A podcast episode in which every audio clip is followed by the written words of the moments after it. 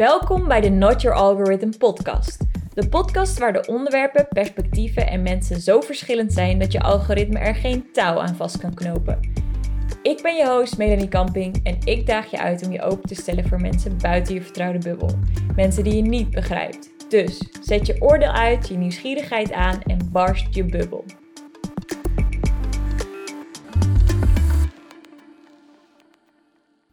Ik zat tien dagen in een Vipassana meditatieretreat in Duitsland, tegen de Tsjechische grens aan. Tien dagen lang leer je de Vipassana meditatietechniek met als doel purification of the mind. Je mediteert 10 uur per dag en je start op 4 uur ochtends tot en met 9 uur s avonds. 9 van de 10 dagen praat je helemaal niet met je medestudenten en je ontwijkt oogcontact.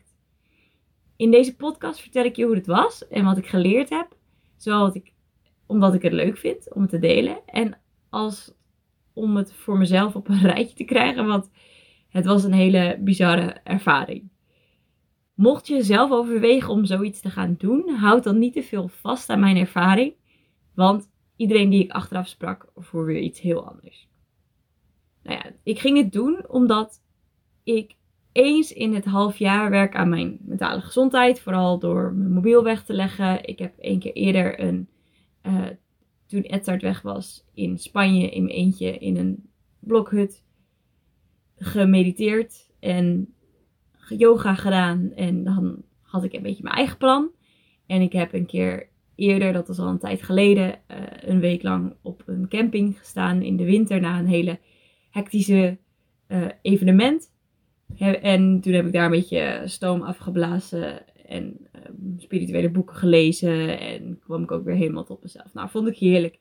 Dus ik had gehoord over Vipassana en ik dacht, nou ja, dat past heel goed in die week. Het is weer een half jaar geleden.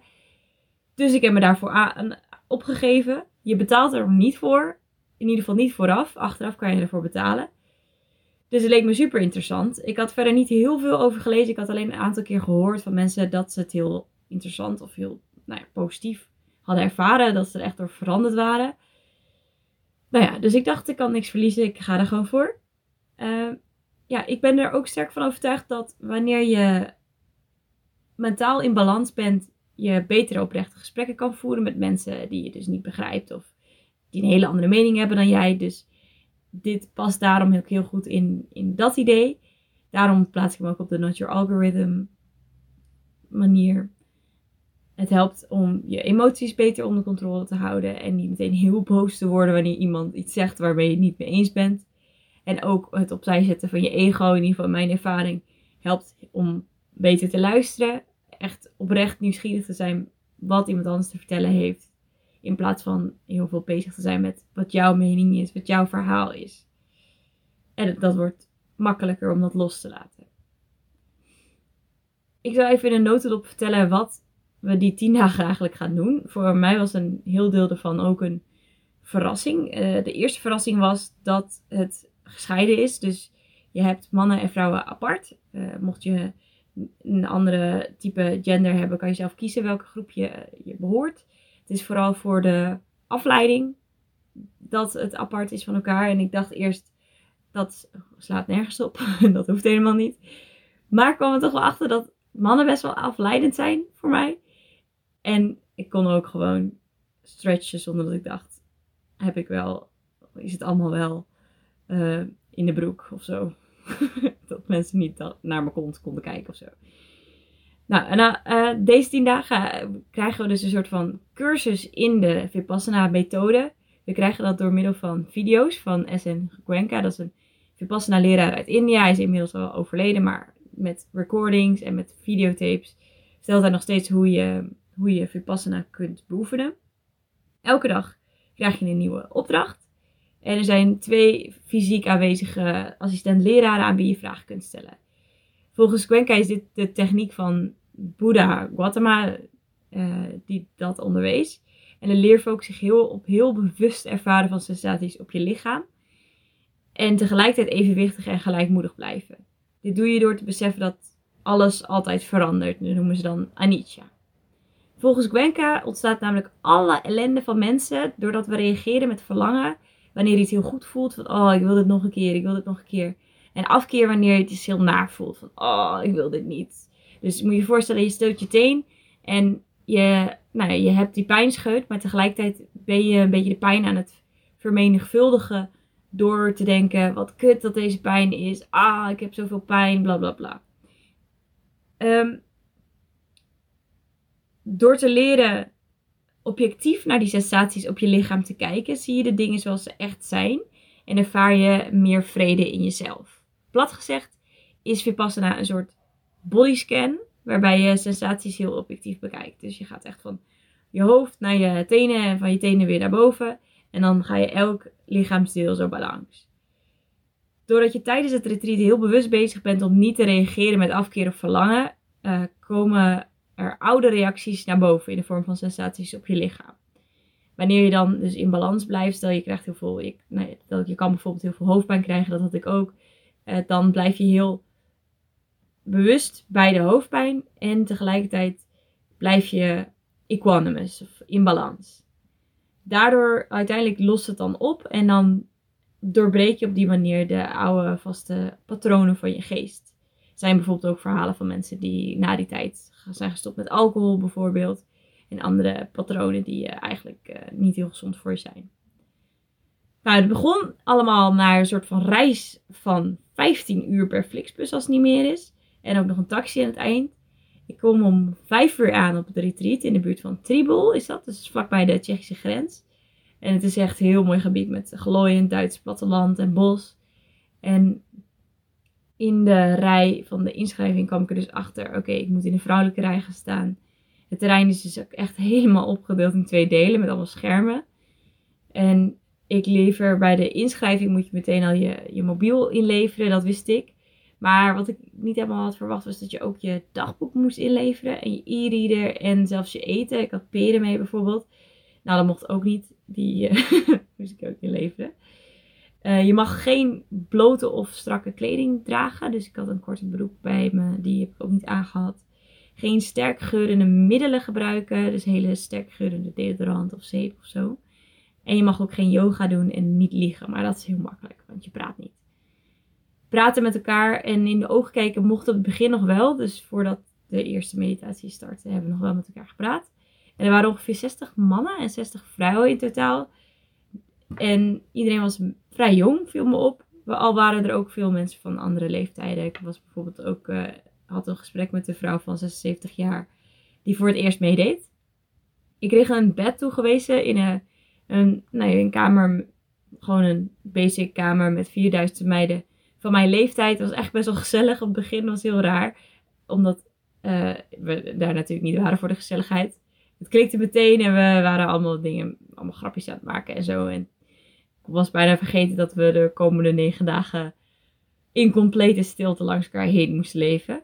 Um, om, om acht uur staan we met z'n allen voor het meditatiegebouw en ging de nobele stilte in. De eerste meditatie vond toen plaats en was echt heel vermoeiend. De lucht in de ruimte was super benauwd. Uh, ik moest honderd keer verzitten en het chanten, dat is een soort van melodieus uh, verso opnoemen, uh, die Boeddha heeft gezegd bijvoorbeeld. Nou, die klonk me vrij vervelend in de oren. Het was ook in Pali, een andere taal, dus ik wist ook niet wat ze zeiden. Maar oké, ik heb het gedaan. De sessie duik ik, na de sessie duik ik meteen mijn bed in en mijn kamergenoten, waarmee ik net nog superleuk stond te praten, die regeer ik natuurlijk volledig. En we hebben dagelijks drie meditatiesessies van één uur. En de rest van de tijd mag je ook in je kamer mediteren. En twee keer per dag krijg je dus eten. En door vrijwillige oud-deelnemers, alles daar wordt gerund door vrijwillige oud-deelnemers, krijg je warme appelsap en fruit. Dus het was niet een heel uitgebreid avondeten. Maar eigenlijk had ik helemaal geen moeite met het eten. Ik heb echt super weinig gegeten, want ze zeiden ook dat je dan beter mediteerde. Ik heb ook maar één keer in de twee dagen moeten poepen. Fun fact. De officiële eerste dag was het echt het aller, moeilijkste van allemaal. Want ik dacht, oh my god, alles is zo anders. Ik weet niet zo goed hoe ik hiermee op moet gaan. De dagelijkse video's van Gwenka waar we heen gingen, was een soort les aan het einde van de dag. Hamerde hij constant op evenwichtig blijven, ongeacht wat er gebeurt. Blijf ik evenwichtig. Stay equanimous, zei hij dat dan zo met een zware stem. hij vertelde dat wanneer, als een voorbeeld, dat een Vipassana persoon die heel erg dorst heeft en zonder succes zoekt naar water, die glimlacht en die gaat vervolgens door met zoeken. En als het dan weer niet lukt, glimlacht, die gaat weer door met zoeken. Dus je, echt die mentale pijn, die, nou ja, daar blijf je gewoon weg van. Maar dat is echt heel erg lastig. ik irriteerde me echt aan het begin aan alles. Nou, niet alles, maar wel aan veel. Ik irriteerde me bijvoorbeeld aan de assistent lerares. Die zuchtte toen iemand een vraag stelde. Want ik dacht, ja, zij is degene die heel goed is hierin. Waarom zucht zij? Zij zou super ontspannen moeten zijn. Ik irriteerde me aan mijn kamergenoot, die vaak uh, sliep onder de meditaties. Ik dacht, zij zou wel lui zijn. Achteraf kwam ik erachter dat ze dat helemaal niet was. En het zitten in zo'n ongemakkelijke houding voor zo'n lange tijd maakt het ook niet echt makkelijk. De vierde dag kregen we de opdracht om één uur lang in dezelfde houding te blijven zitten. En nee, dat, dat deed Boeddha ook. Toen hij verlichting kreeg, niet één uur lang, maar veel meer langer. En dit is een soort van voorbereiding daarop. En ik merkte ook echt als je langer blijft zitten, dat je beter kan concentreren. Maar als jonge jongen, het deed echt super veel pijn. En na de eerste sessie ben ik echt heel boos. Ik denk, wat denken ze wel niet dat ze dit voor ons vragen? Ik marcheer echt door het wandelgebied met mijn boze gedachten. En op een gegeven moment, als de bomen een beetje verscholen zijn, zet ik hem zelfs even op het sprinten. Want ik dacht, ik moet even wat stoom afblazen. Maar ja, dat was op het begin super moeilijk om die, om die balans te behouden. Maar uiteindelijk, hoe meer ik oefen, steeds beter leer, leer ik om die frustraties los te laten. Ik vind die assistent lerares helemaal niet meer irritant. Mijn huisgenoot ook niet, mijn kamergenoot. Uh, ik heb wel af en toe nog dat ik wat van die reacties heb van afkeer. Van, oh, waarom gebeurt mij dit? Of, oh, wat kut regen. Maar ik, ze worden steeds zwakker. Dus meteen als ik ze, als ik voel dat ik afkeer heb, denk ik, hé, hey, daar is afkeer. En daardoor is het dus, zeg maar nog een klein vlammetje en die kan ik dan nog uitblazen. Zodat het niet een groot vuur wordt. Om het even in beeldspraak te zetten. Uh, op dag 6 gebeurde wat ik echt nooit van mijn leven had gedacht. Het lukt me om een heel uur lang zonder pijn te zitten. Het is niet per se dat de pijn helemaal weggaat, maar dus dat die, nou ja, die mentale pijn wegblijft. En dat was ook een hele aparte manier, omdat ik, ik had altijd in mijn hoofd van, dit kan ik niet.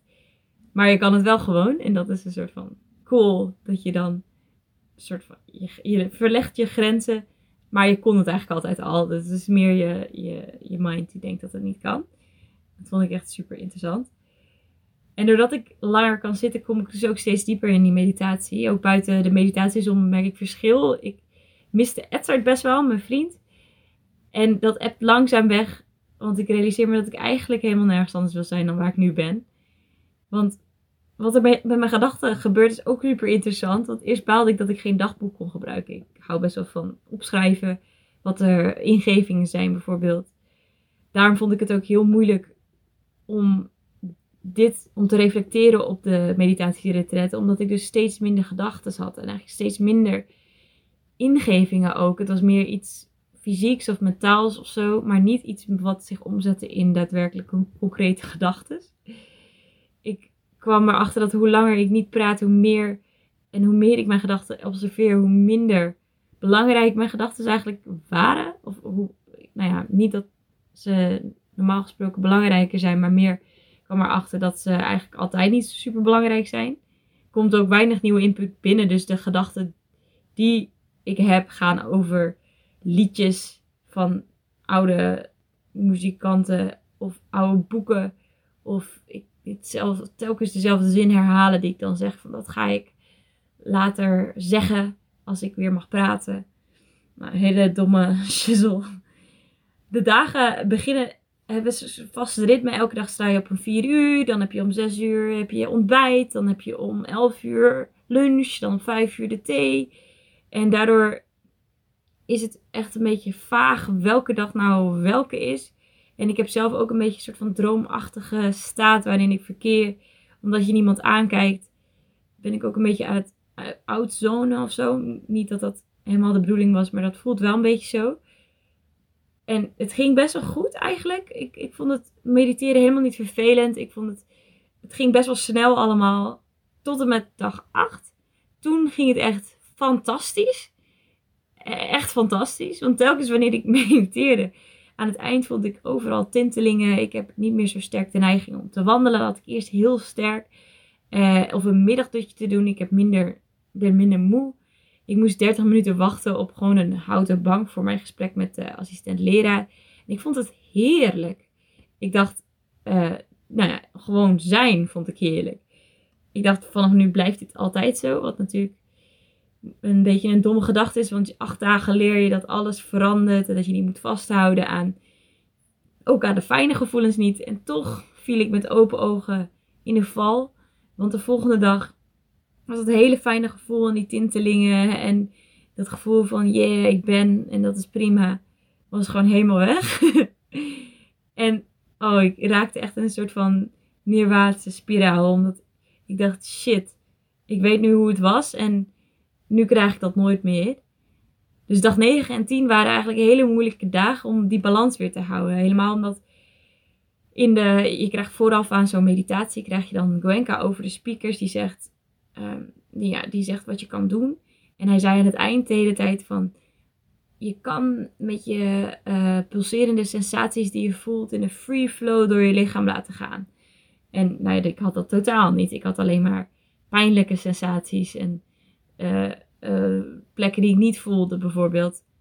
Dus het voelde voor mij als een hele grote terugslag. Ook al zou het ook als een vooruitgang gezien kunnen worden. Want daar hadden ze het ook altijd over. Dat dit dus best een oude reactie van vroeger kan zijn. En dat ik juist heel erg bezig moest zijn met dus in balans blijven. En zorgen dat het die reactie oplost. De assistentlerares die zei het ook al toen ik haar... We, we spreken elkaar dan in een soort groepsverband. En die zei ook dat het in balans blijven met frustraties en, en afkeer is moeilijk. Maar het in balans blijven met verlangen is nog veel moeilijker. Nou, dat heb ik dus ook echt ervaren. Ik vond het echt heel moeilijk. En die tiende dag, nou ja, eigenlijk had ik nog steeds best wel veel die frustraties. Ik had het al wel een beetje losgelaten, maar het was best moeilijk. Maar de tiende dag brak aan en na de ochtendmeditatie mocht je dan praten voor het eerst in negen dagen. En ik stap zo naar buiten en ik kijk een ander Nederlands meisje recht in de ogen aan. En in plaats van woorden komen alleen maar tranen. En zij houdt mij in een soort van knuffelige houtgreep en zegt: Jij voelt het ook, jij voelt het ook. Ja, dat, en toen kwam er meteen de course manager aanlopen van: uh, Je mag niet knuffelen. Dus dat was meteen even een wake-up call. Maar oké, ik, ik ging meteen op zoek naar mijn kamergenootjes. Want hoewel ik helemaal niet met hem gepraat heb in de afgelopen periode, had ik echt het gevoel dat ik super diep met hen een connectie had. Je maakt echt iets heel intens samen mee. En, en nou ja, toch voelt het wel alsof je dat samen meemaakt. En ik zag hen en ze vroegen hoe het ging. En ze waren super enthousiast dat ze me zagen. Nou, ik moest weer huilen. En nou ja, met al die meiden gingen we bespreken van hoe was het nou en welke struggles had je. En toen we bij het eetgedeelte kwamen, waren alle barrières opgeheven. Dus ik zag voor het eerst een man en daarna nog veel meer mannen.